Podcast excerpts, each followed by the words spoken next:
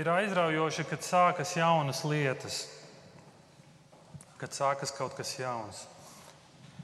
Mums ir prieks, kad mums ir jaunas drēbes, vai tad, kad tu saņem īziņu, vai pastā saņem mazu zīmīti, ka tev ir atnācis pasts vai kāda paciņa.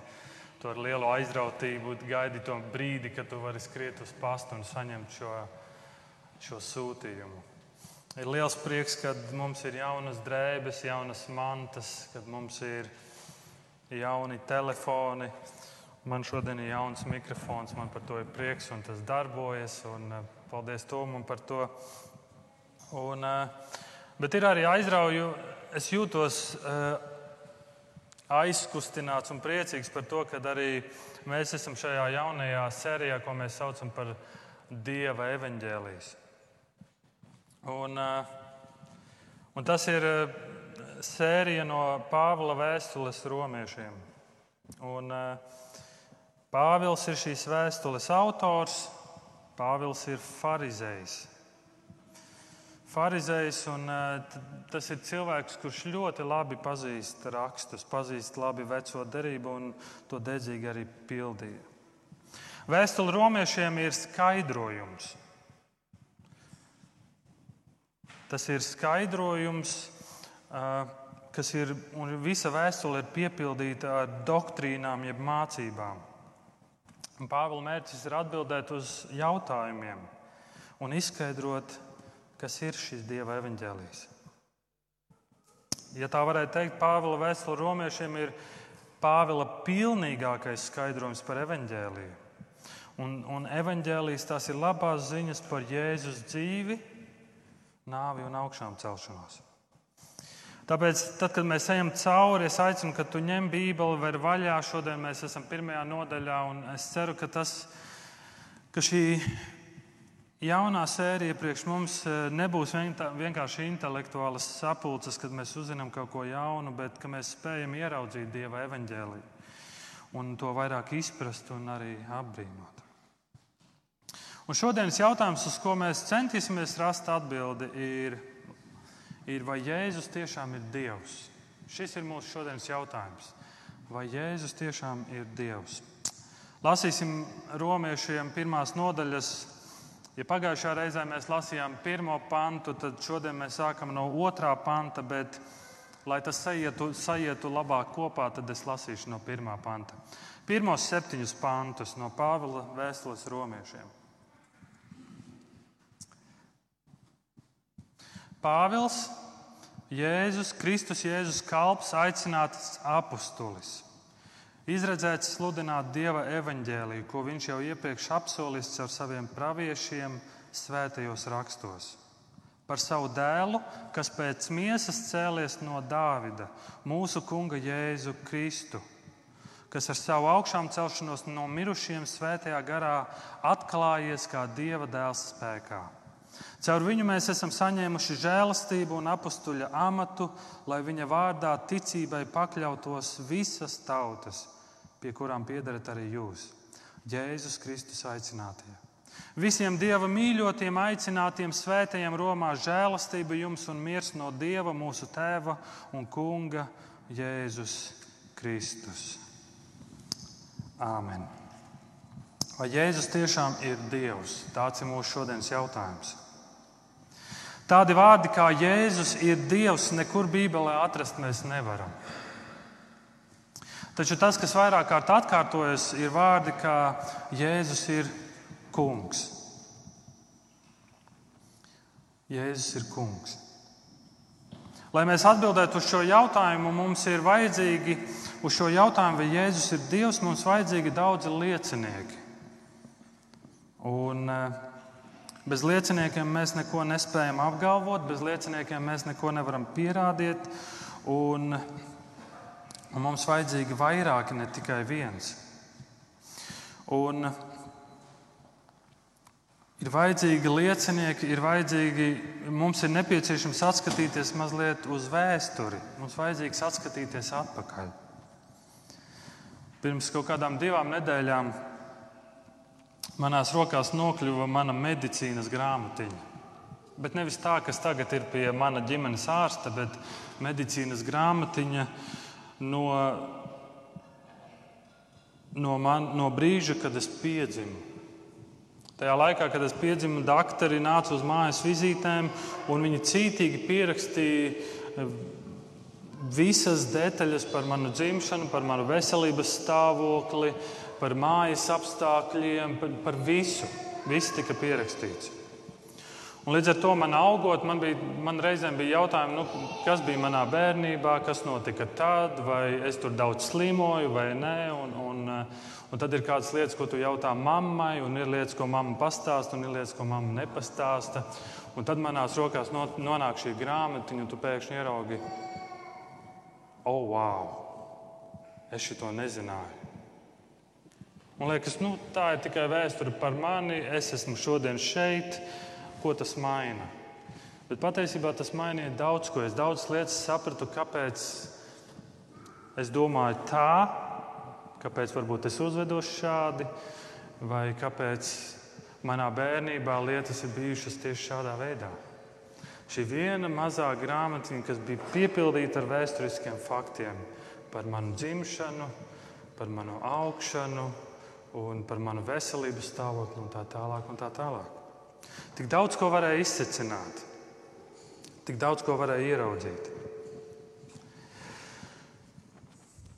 Es vēlos uz brīdi, lai tu sevi iedomājies, ka mēs visi sevi iedomājamies kā pirmā gadsimta iedzīvotāji Izrēlā. Pamēģini iedomāties.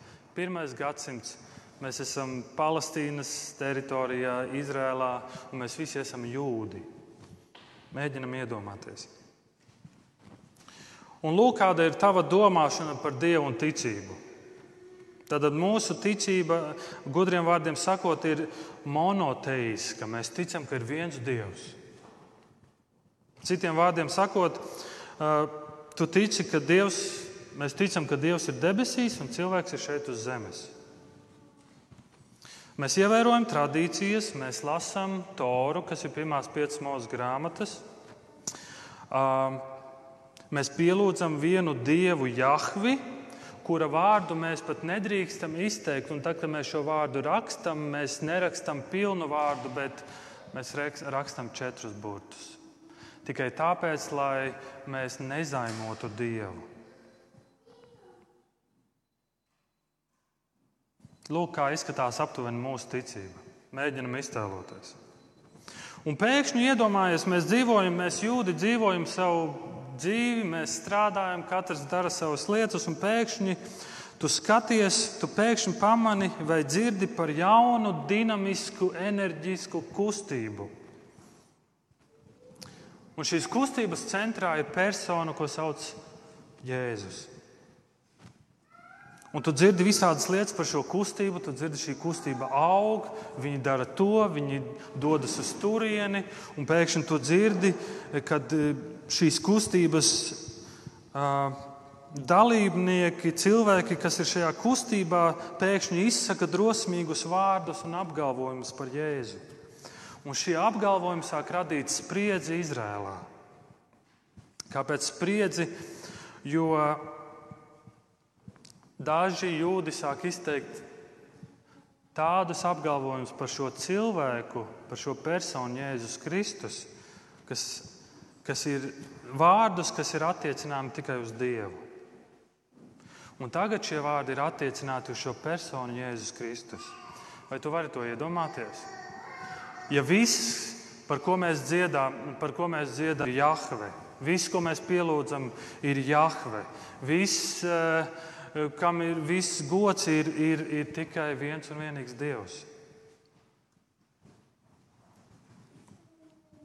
Un jaunās derības pirmajos četros evaņģēlijos mēs varam lasīt tik daudz faktus, tik daudz vārdus, ko šie sekotāji izsaka par Jēzu un ko Jēzus pats saka par sevi. Ļoti spēcīgi apgalvojumi. Kurš cilvēks spēja teikt šādus vārdus par tevi? Kurš spēja apgalvot un teikt, ka viņš ir Dievs? Jūdu dziesmas bija tikai par Jahvi. Tas nebija pat par Mūzu vai Dāvidu, ja nu vienīgi šajās dziesmās bija minēts Mūzes vai Dāvids.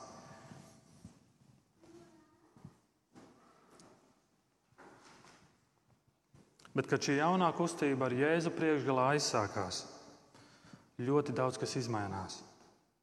Dziesmas dzied par Jēzu, Jūdu sveiciens izmainās. Kad jūdi satikās viens ar otru, viņiem, kad viņi satikās, viņi sveicināja viens otru un teica, lai Dieva miers ar tevi.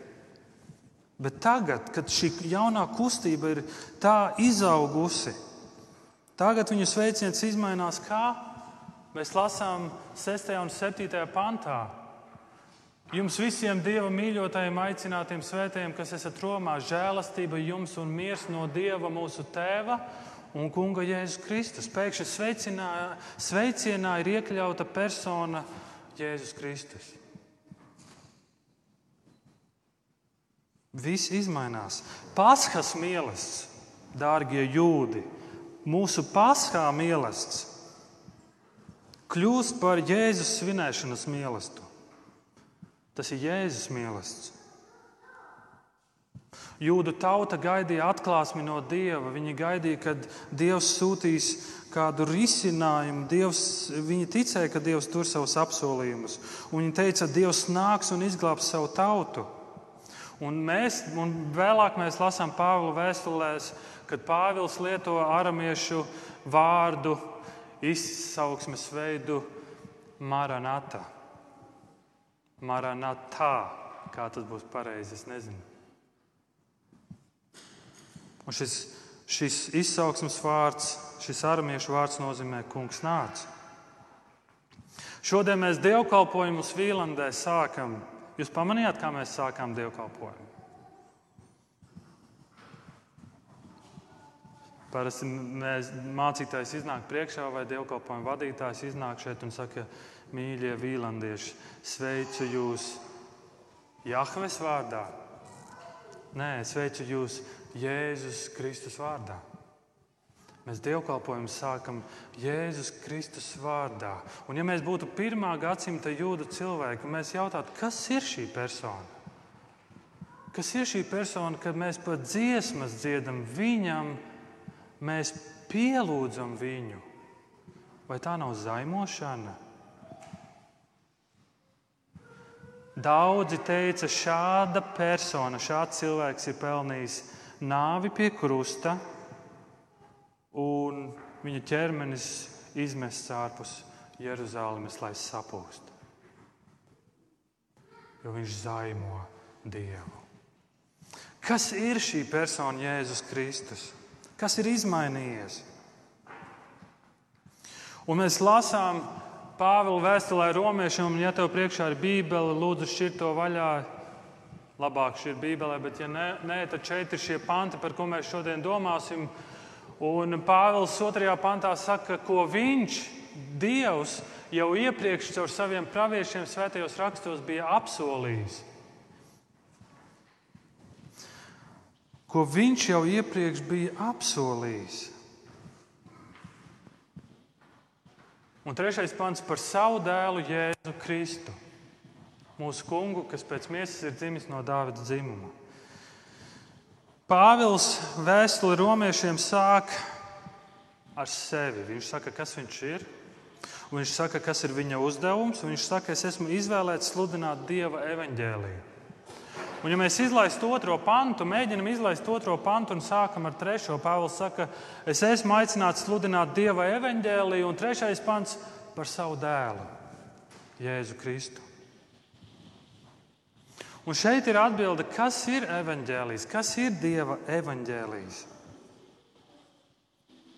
Evaņģēlija centrā ir persona Jēzus Kristus. Evangelija centrā, Dieva evaņģēlijas ir par Jēzu Kristu. Ir daudz cilvēku, kas sevi uzskata par kristiešiem šodien, sevi sauc par kristiešiem, bet savā dzīvē, savā runā, savā liecībā Jēzus Kristus persona nekur neparādās. Bet Jēzus Kristus, jeb Dieva evaņģēlijas, ir par Jēzu Kristu. Mārtiņš Lloyds Jones kurš pēc profesijas bija doktors un arī mācītājs. Viņš saka šādus vārdus. Jūs varat mācīt budismu, bet bez Budas personas. Viņam nav būtiskas nozīmes šai reliģijai. To pašu var teikt par visām pasaules reliģijām, izņemot kristietību. Kristietība nav tikai Jēzus mācība, drīzāk kristietība ir Jēzus Kristus. Jūs nevarat vienkārši ņemt viņa mācības un nolikt viņu malā. Bet kristietim nozīmē pieņemt un ticēt Dieva dēla Jēzus Kristus personību. Jebkurš uzskats, kas pazemo viņu no Dieva mūžīgā dēla, trīsvienības otrās personas, nav Bībeles kristietība.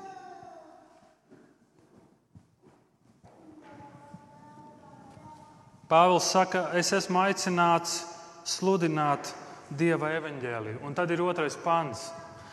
Es esmu aicināts sludināt to, ko Dievs jau iepriekš ir paredzējis.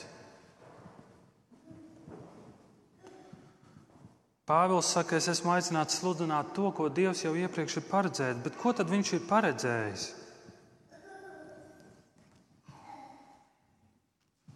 Un tad mēs varētu ņemt Bībeli, kurai ir divas daļas, un mēs varētu šķirt veco derību vaļā, un mēs varam skatīties atkal un atkal, ko Dievs ir paredzējis.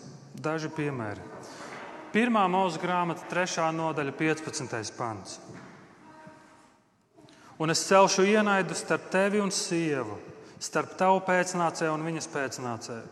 Viņš tev sadragās galvu, bet tu viņam sadzelsi papēdi. Dievs izsaka apsolījumu Ādamam, Dievs dod solījumu, tiek izteikts pravietojums. Otrajā samuēlā grāmatā, 7. nodaļā, nodaļā ir izteikts kāds ļoti spēcīgs pravietojums, solījums ķēniņam Dāvidam. Kad tavs dienu skaits būs pilns, tu iesi pie saviem tēviem. Es celšu tev pēcnācēju, kas no tevis paša dzimis. Es nostiprināšu viņa valdīšanu, Viņš uzcels namu manam vārdam, es nostiprināšu viņa valsts troni uz mūžiem.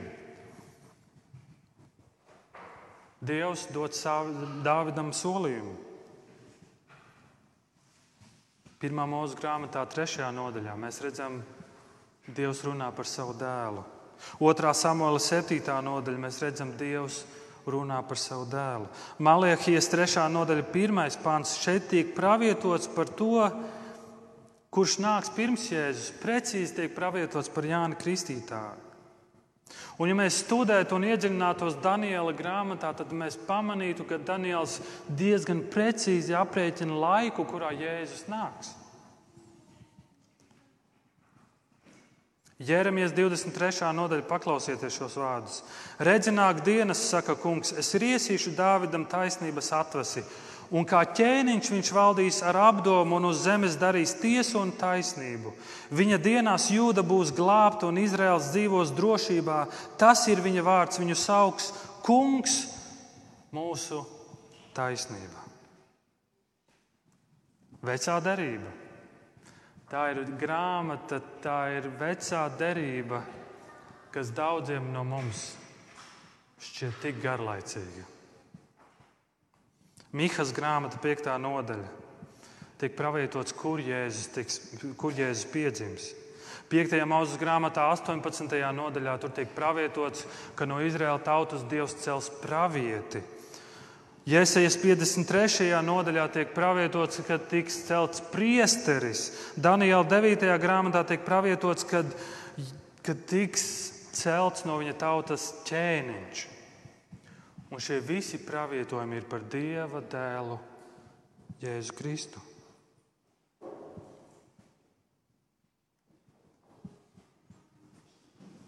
Vēl tiek pravietots par Jēzus brīnuma darbiem.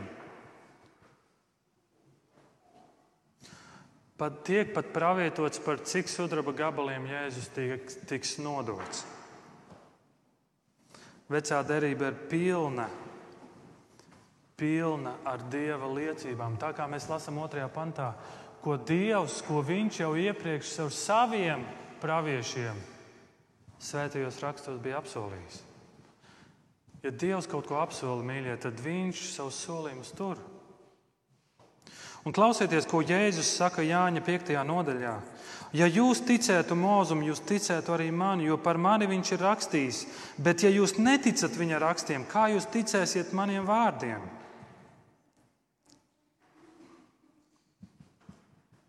Mērķis, kāpēc Dievs atklājas, ir, lai vestu mūs pie ticības.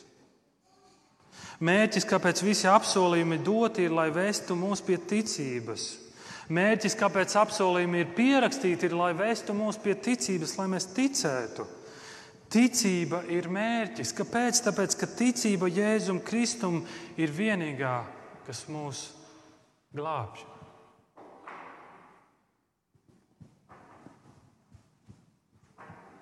Tikai caur Jēzu Kristu mēs satiksim mūsu debesu Tēvu.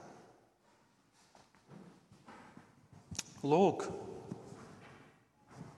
ko Dievs ir apsolījis ar saviem praviešiem. Un es minēju tikai dažus piemērus. Mēs pastaigājām tikai pa dažām vietām. Vecā derība. Vai vecā derība šodien ir svarīga? Interesanti ir pavērot, ka šodien ir vesela kustība, kas, kas ļoti strauji aug, kur veco derību vienkārši noliek malā, ignorē un saka, mums ir Jēzus evaņģēlijs. Mums veco derību nevajag. Interesanti ir mācītāji, kas apgalvo un pat sludina, ka vecā derība šodien nav svarīga. Viņi saka, tad, kad cilvēks grib ticēt Dievam un sāk lasīt veco derību, ziniet, kas notiek? Tas cilvēks bieži vien atgrūž. Cilvēks lasa veco derību un, un vaino Dievu, un līdz ar to daudzi mācītāji izdara secinājumu, ka vecā derība ir vainīga, vienkārši ignorēsim to. Un šodienas jaunais bauslis ir, tev nebūs ņemt vērā veco derību. Bet, mīļie, vecā derība ir Dieva evaņģēlijas.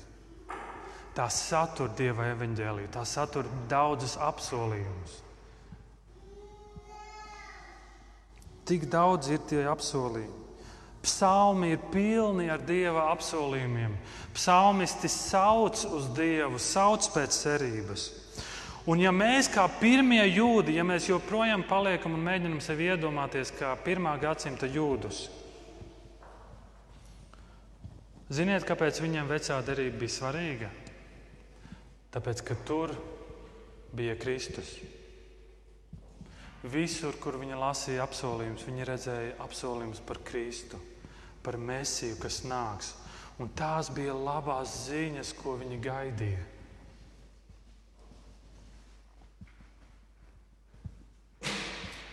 Pāvils saka, es sludinu evaņģēliju, es sludinu Dieva evaņģēliju, ko Dievs jau iepriekš ir apsolījis. Un apsolījis ko? Par savu dēlu, Jēzu Kristu, mūsu kungu, kas pēc miesas ir dzimis no Dāvida dzimuma. Kas pēc miesas ir dzimis no Dāvida dzimuma, trešais pants. Ķēniņš Dāvids ir viens no pazīstamākajiem personāžiem Bībelē, un tam ir arī iemesls. Viņš ir viens no visattīstītākajiem un sarežģītākajiem varoņiem visā vecajā derībā. Dāv, ķēniņa Dāvida stāsta stāstīšanai veltīto lapušu skaits pārsniedz jebkuru citu personu vecajā derībā. Kāpēc Dāvidam pievērst tik lielu uzmanību? Protams, viņš bija ķēniņš. Taču, kad mēs skatāmies Bībeles kopējos sižetu, mēs ieraugam kaut ko svarīgu. Ieraugam kaut ko tādu, kāpēc Bībeles pravieši piesaistīja, kāpēc viņus piesaistīja ķēniņš Dāvids. Pretēji ķēniņam Saulam bija iepriekš šāds ķēniņš Sauls. Dāvids bija, nespē, bija, eh, nebija spēcīgas miesas būves, viņš nebija augumā ražens. Un ir brīdis, kad Dievs eh, savam pravietim Samuēlam saka, es dodies uz šo vietu, un es vēlos, lai tu izvēlēsies jaunu ķēniņu. Tātad šim Samuēlam tiek dota jauna norādījuma, doties uz jūdas cilti. Un, uh, pats Dāvids tajā brīdī bija ganībās. Šis ķēniņš atnāk uz šo ģimeni, un viņš skatās uz visiem dēliem, un viņam jau acis ir lielas, un viņš jau brīnās. Un, noteikti šis būs ķēniņš, vai noteikti šis būs ķēniņš. Dievs noteikti šo vīru grib izredzēt, un Samuēls skatās ar savām acīm. Un Dievs Samuēlam saka, neviens no viņiem. Un tad Samuēls jautā, klausies, vai tev ir vēl kāds dēls? Un tad tiek pasaukts Dāvids no, Dāvids no ganībām. Un tiek atvests Dāvids un tiek dota skaidra zīme, šis būs ķēniņš. Kas notiek? Samuēls notur mazu svaidīšanas ceremoniju, izlējot eļļu uz Dāvida galvas, un tā tiek iecelts jaunais Izraēla tautas ķēniņš. Bez taurēm, bez pūļiem. Dāvids kļūst par patieso Izraēla ķēniņu, bet neviens par to vēl nezina. Neviens par to nezina.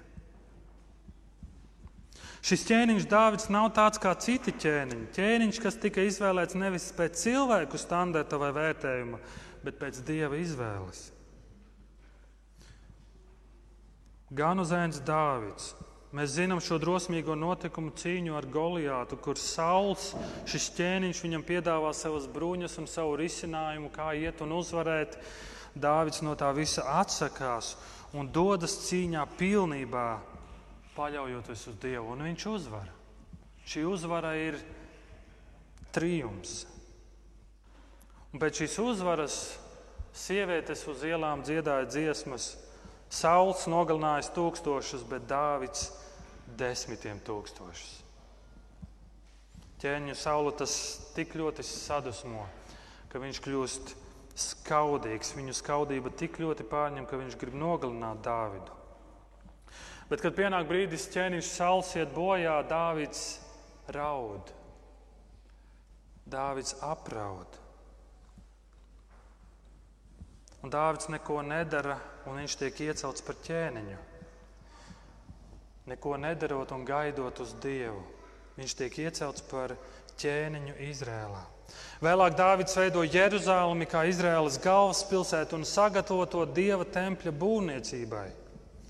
Un patiesībā ar šo mums pietiktu, lai mēs spētu ieraudzīt, kāpēc Izraēla tautas pēcnācēji ar tādu mīlestību atskatījās uz Dāvidu.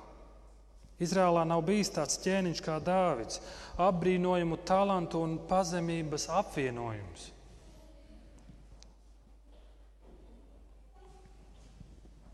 Un tad otrajā samuēlā grāmatā, septītajā nodaļā, Dāvidam tiek dots solījums.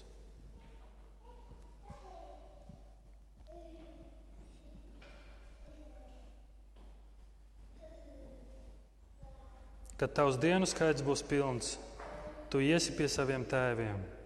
Es celšu tev pēcnācēju, kas no tevis paša dzimis, es nostiprināšu viņa valdīšanu. Viņš uzcels namu manam vārdam, es nostiprināšu viņa valsts troni uz mūžiem.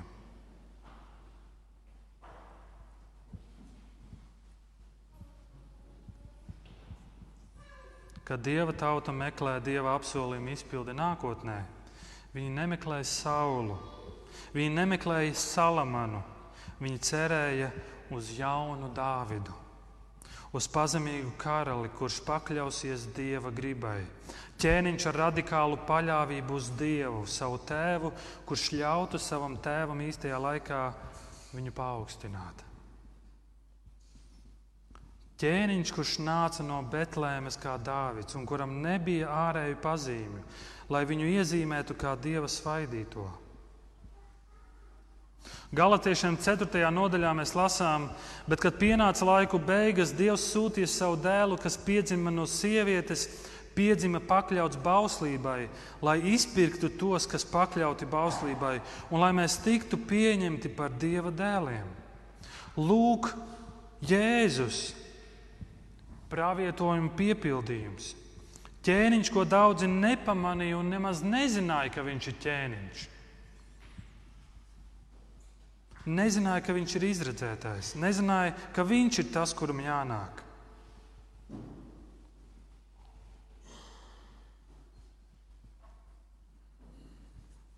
Un 4. pantā mēs lasām, ka šis Jēzus ir ne tikai atklāts svētajos rakstos, ka viņš ir pēc miesas dzimis no Dāvida dzimuma, kur ir pilns ar pierādījumiem, pētot rakstus. Bet arī 4. pants saka, un pēc svētuma gara ar augšām celšanos no mirušajiem apliecināts ar spēku par Dieva dēlu.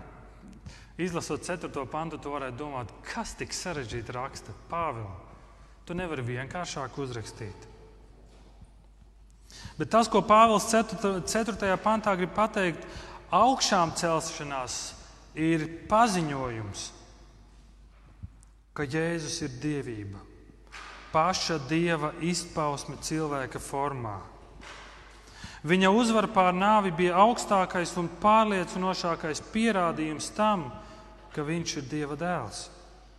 Tas ir tas, ko sludina Pāvils apakstuļu darbos 13. nodaļā, apakstuļu darbos 17. nodaļā. Katrā pilsētā, kur viņš dodas, šī ir viņa vēsts. Pēc miesas Jēzus ir Dāvida sēkla.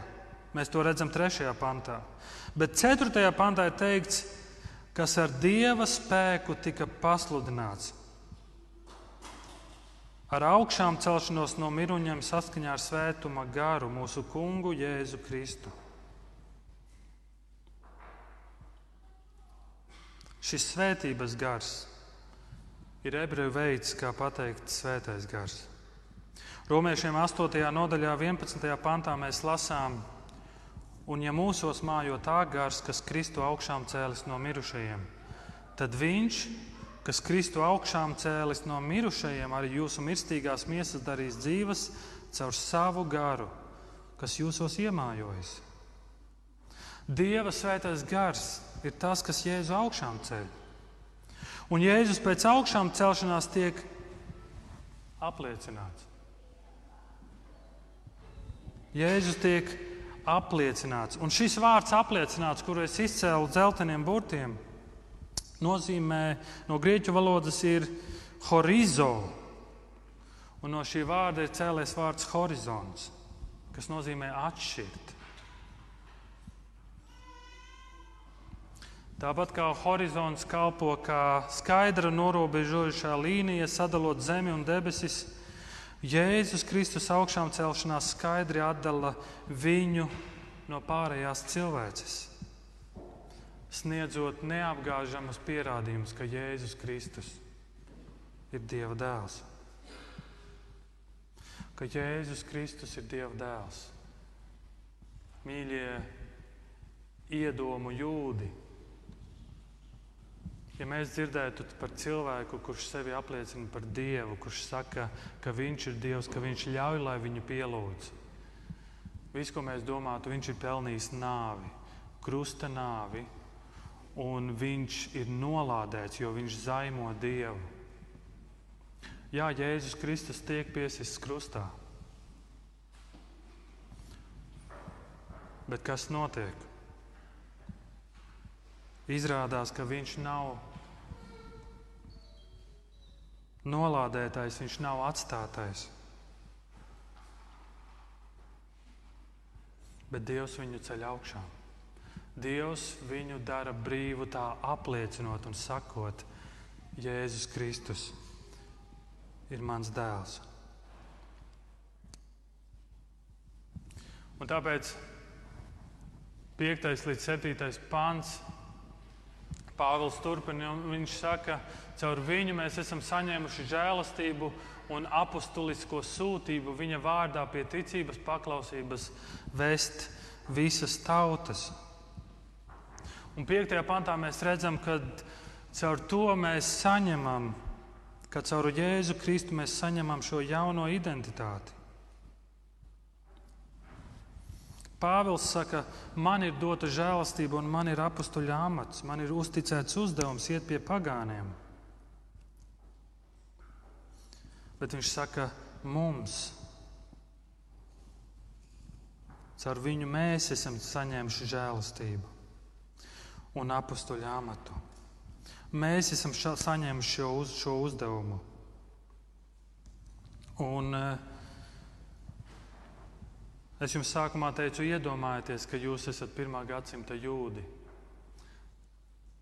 Bet mēs neesam jūdi. Varbūt kāds no jums, skatoties un, un pētot savus ciltsrakstus, varētu teikt, es esmu jūds. Bet mēs piedaram pie tās cilvēku kategorijas, ko sauc par pagāniem. Pagānus no jūdiem atšķir tas, ka jūdi drīkstēja iet templī, Viņi drīkstēja iet iekšā, viņi drīkstēja iet noteiktā pagalmā un viņi drīkstēja pielūgt Dievu. Bet pagāni tā nedrīkstēja. Pagāniem bija siena, bija tādi vārti, uz kuriem bija rakstīts, ka tikai kas tikai drīkst tur iet un kas drīkst pielūgt Dievu. Bet tas, ko Lelde sākumā teica no vēstules efeziešiem otrajā nodaļā, Pāvils, šis pats Pāvils saka šādus vārdus. Tādēļ atcerieties, ka jūs, kas reiz pēc savas izcelsmes bijāt pagāni, ko miesā apgaizīties sauc par neapgaizītajiem, jūs tolaik bijāt šķirti no Kristus, un Izraēlas sabiedrība jums bija slēgta. Jūs bijāt svešinieki apsolījuma derībai, bez cerības un bez dieva pasaulē. Bet tagad jūs, kas bijāt tālu Kristu Jēzu, esat kļuvuši tuvi viņa asinīs. Lūk, žēlastība. Mēs bijām tālu, mēs bijām tālu prom no Dieva, miruši savos grēkos. Bet Jēzus Kristus, kas ir Dievs, noārda šo sienu un dod mums tiešu pieeju pie Dieva.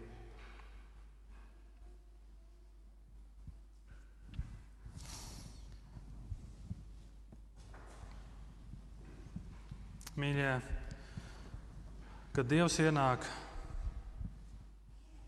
tad mūsu pasaule tiek sagriezta ar kājām gaisā. Jēzum ienākot šajā pasaulē, viņš staigā apkārt un dara lietas, ko dara tikai templī. Jēzus staigā apkārt un pasludina grēku piedošanu. Ja šeit ir kādi no jums, kas studē, tad iedomājieties, ka pie kopmītnēm vai gar universitātēm staigātu kāds un sludinātu, ja kādam no jums ir parādi, tad nāciet pie manis. Ja kādam no jums ir parādi, ej, studenti, ja kādam no jums ir parādi, nāciet pie manis. Ko jūs darītu? Varbūt intereses pēc tu pietu, vai tu domātu, šis ir galīgi jūtas. Un, starp citu, lūdzu, te tevs bakalaura grāds, lūdzu, te tev maģistra grāds. Ej, un esi vesels, vai ej un vairāk neiekulies parādos. Un, kad augstskola administrācija to būtu dzirdējusi, viņa noteikti, viņu reakcija būtu ļoti loģiska. Viņu ietu un teiktu, kas tu tāds esi, lai tādas lietas darītu. Tu pat neesi akreditēts, tu pat neesi institūcija, tev nav sistēmas. Mums ir, mums ir sistēma, mums ir protokols, mums ir viss, lai cilvēki saņemtu grādus, lai cilvēki saņemtu atdošanu, lai cilvēki saņemtu cerību.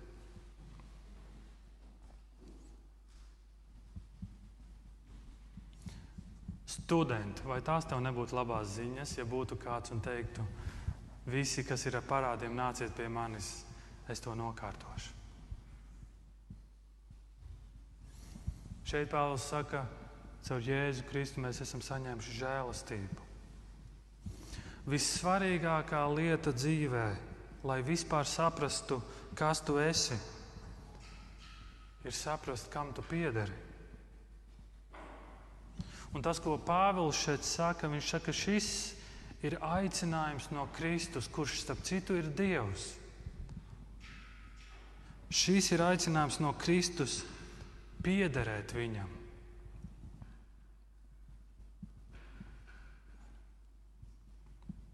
Mēs esam saņēmuši žēlastību, bet ne tikai žēlastību, mēs esam saņēmuši arī uzdevumu. Uzdevums, kas ietekmē māceklību, kas ietekmē baznīcas misiju visos tā veidos. Pirmkārt, tas, kas atklājas šajos pantos, ir, ka Dieva tauta, tas ir, ir mācība, ka Dieva tautai skaidri māca, ka svētajos rakstos paustā apustiliskā liecība ir galvenā baznīcas ticības un dzīves autoritāte. Pāvils bija apustulis. Mums nav jāizdomā jauna mācība, mums ir jāturās pie tās. Tāpat kā tas bija pirms vairākiem tūkstošiem gadu. Un otrkārt, baznīcas misija, sekojot Pāvila piemēram, ir nest evaņģēliju pasaulē. Lai viņa vārdā ticībai pakļautos visas tautas, pie kurām piederēt arī jūs, Jēzus Kristus, aicinātie.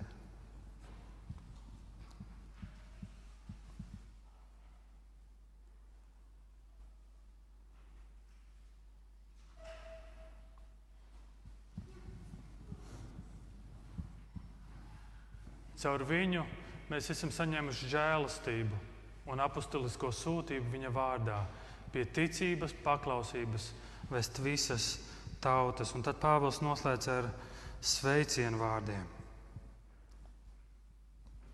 Visiem dievu mīļotiem, aicinātiem svētajiem Romā, žēlastība jums un miers no Dieva, mūsu Tēva un Kunga Jēzus Kristus.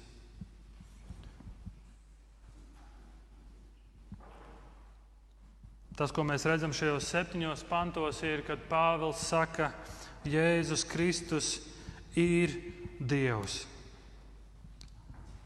kas pēc miesas cēlies no Dāvida un caur savu augšām celšanos no mirušajiem svētajā garā atklājies kā Dieva dēls spēkā. Un caur šo personu Jēzus Kristus mēs esam saņēmuši žēlastību kas dod mums spēku un kas ir mūsu motivācija pildīt to uzdevumu, ko Viņš mums ir atstājis. Un šis uzdevums, šis uzdevums ir rakstīts viscaur jaunajā derībā, ko atgādina vēstuļu autori. Bet pats Jēzus Mateja 28. nodaļā saka saviem mācekļiem šādus vārdus. Un viņš saka šos vārdus arī mums. Mateja 28. nodaļa. Jēzus piegājis klātiem sacīja: Man ir dota visa vara debesīs un virs zemes. Tādēļ ejiet un dariet par mācekļiem visas tautas, tās kristīdam, tēva, dēla un svētā gara vārdā. Tās mācīdami turēt visu, ko es jums esmu pavēlējis. Un redzi, es esmu ar jums ikdienas līdz laiku beigām. Lūksim Dievu.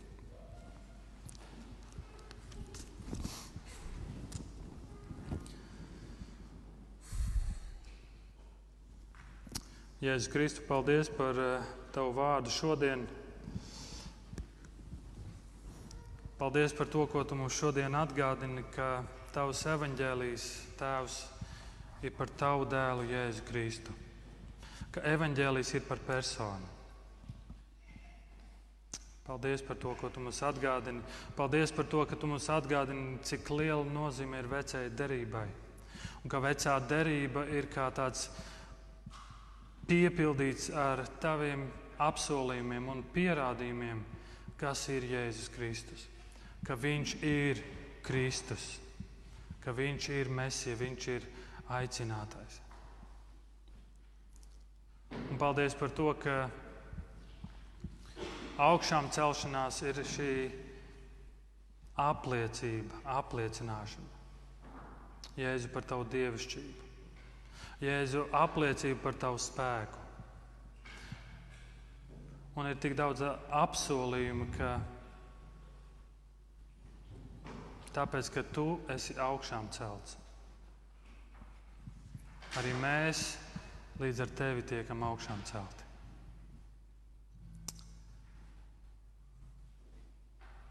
Palīdz kaut mēs spētu noticēt šiem vārdiem līdz sirdī, līdz sirds dziļumiem.